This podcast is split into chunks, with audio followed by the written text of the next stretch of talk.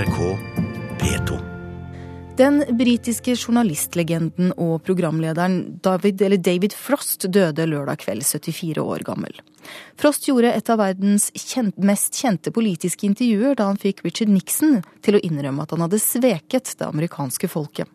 Intervjuet Frost gjorde er for lengst blitt en del av den skrevne historien om Watergate-skandalen, og vi la reporter Sølvi Fosseide minne oss om bakteppet for det berømte intervjuet.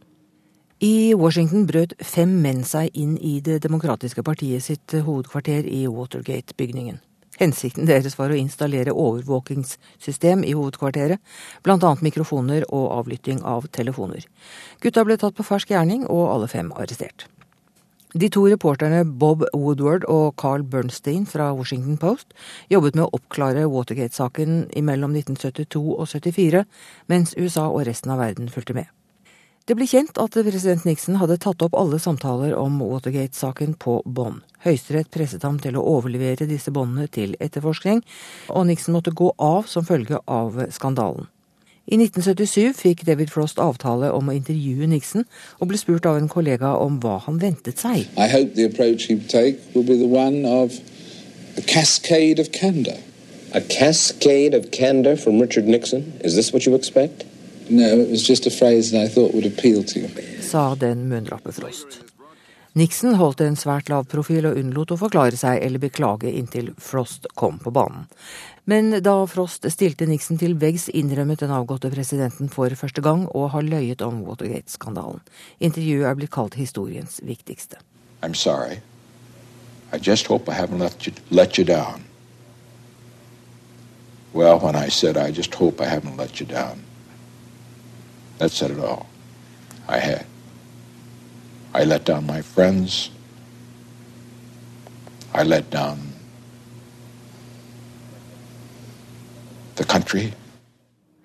Ja, Der hørte vi altså president Richard Nixon i eh, intervjuet som eh, David Frost eh, gjorde. Nils Morten Udgård, du er pensjonert nå, men på den tiden dette skjedde, så var du ung utenriksjournalist i Aftenposten og korrespondent i England. Og Frost han var jo britisk, så hvordan var stemningen eller oppmerksomheten rundt han da dette Nixon-intervjuet ble gjort? Han var veldig stor, men han var jo da allerede en stjerne, og ingen var overrasket over at David Frost var den ene mannen som klarte å få Nixon på glid. Han var kjent for å være en, en veldig tøff, eh, vennlig, men veldig tøff intervjuer. Ja, så, så, vennlig og tøff intervjuer, så det var grunnen til at de eh, Tok du for gitt at han skulle få til dette her også, eller? Ja, kanskje ikke for gitt, men Nixon har vel eh, kanskje undervurdert ham litt som motstander, fordi Frost var veldig vennlig i sin form og sånn, men han kunne være knallhard på intervjuene. Og det finnes jo nå en film om dette intervjuet, berømt intervju 28 timer, eh, med alle mulige telefonsamtaler om natten over flere, over flere uker, eh, og hvordan, hvordan det gikk til at du fikk denne innrømmelsen fra Nixon, som da gjorde at han på en måte forsonet seg igjen med det amerikanske folk. Ja, for Hvordan klarte Frost å få til eh, intervjuavtalen, eller disse flere intervjuene? Hvordan klarte han det? Altså det, Han var tøff, han var en entreprenør, så han betalte Nixon 600 000 dollar, 4 millioner kroner, for å få intervju. Og Nixon fikk til og med litt betaling for sendingen, royalties osv. Og, så og var tøff. Og Nixon trengte vel pengene, og var smigret over at en kjent Eh, TV-mann ville bruke så mye tid på ham. Eh, og da fikk han det til. Og så solgte han det, eh, sydde det sammen til et veldig spennende intervju som gikk i TV-kanaler over hele verden.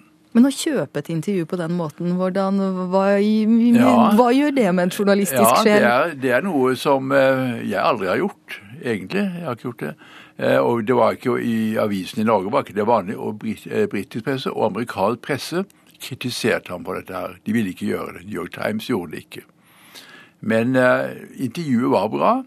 Og det som ble sagt, ble sagt. Nixon trådte frem i en annen, en annen profil for det amerikanske folk etter dette intervjuet.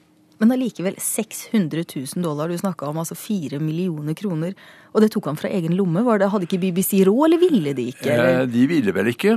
Og han var altså entreprenør. Han skaffet penger selv, fikk lån til det var risiko. Og han mente at han ville klare dette. Og han klarte det. Han hadde jo en enorm selvtillit. som ung mann, og som en eldre mann også, og, og drev forretninger. Han pendlet mellom USA og Storbritannia 20 ganger i gjennomsnitt i år. Reiste han med Concorde frem og tilbake. Overlysfly og sånn, så han var, han var en tøffing. Ja, for hva, hva, annet var han eh, kjent for som journalist, da? Vel, han var kjent for, for, sine, for sine evner til å få folk til å åpne seg. Eh, og så var han kjent, han ble jo da allerede som 23-åring veldig kjent som leder for et program, That Was Week That Was, et eh, satireprogram hvor man da egentlig for første gang eh, gikk løs på politikerne med, med dødsforakt, med ironi, og ikke hadde den litt høytidelige journalistikken fra establishment tidligere. En ny tid, 60-tallet, og han var eksponenten for den nye tiden. Så var han liksom en, en innovatør på et vis innen ja, journalistikken, eller? Det kan man nok si. Han var på ingen måte alene. Dette var en bølge i England, men han var den mest, mest kjente profilen. Og han var også en entertainer, altså en underholdningsmann. Han, han opptrådte på scener, han vant komipriser osv. Så, videre. så han hadde spilt på hele dette spekteret. Og var kjendis og populær og, og omgikk celebriteter, intervjuet dem. Men samtidig hadde han en kjerne av seriøsitet som ga ham respekt.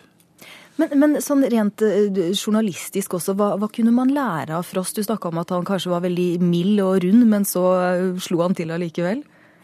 Ja, eh, man kan vel lære at du skal, du skal, stå på hele tiden. Du skal, ikke, du skal sette deg ambisiøse mål.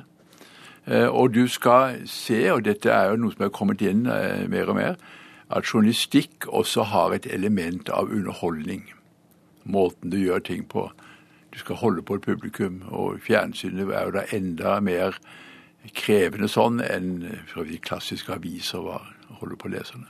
Hva med, hva med Frost som, som, journalist? Hvilken plass har han på en måte hatt da på 80-, 90- og nå 2000-tallet innenfor journalistikken? Altså Hans plass er vel som intervjueren. Han har intervjuet utover åtte amerikanske presidenter og syv britiske statsministre og celebriteter. Eh, han var oppfinnsom. F.eks. da, eh, da eh, Neil Armstrong gikk på månen den første natten i juli 1969. Da hadde han et program, eh, Moonwalking Program, den natten. Og der hadde han da Semi Davis, denne popsangeren fra Amerika. Og så hadde han en kjent britisk historiker, AGP Taylor.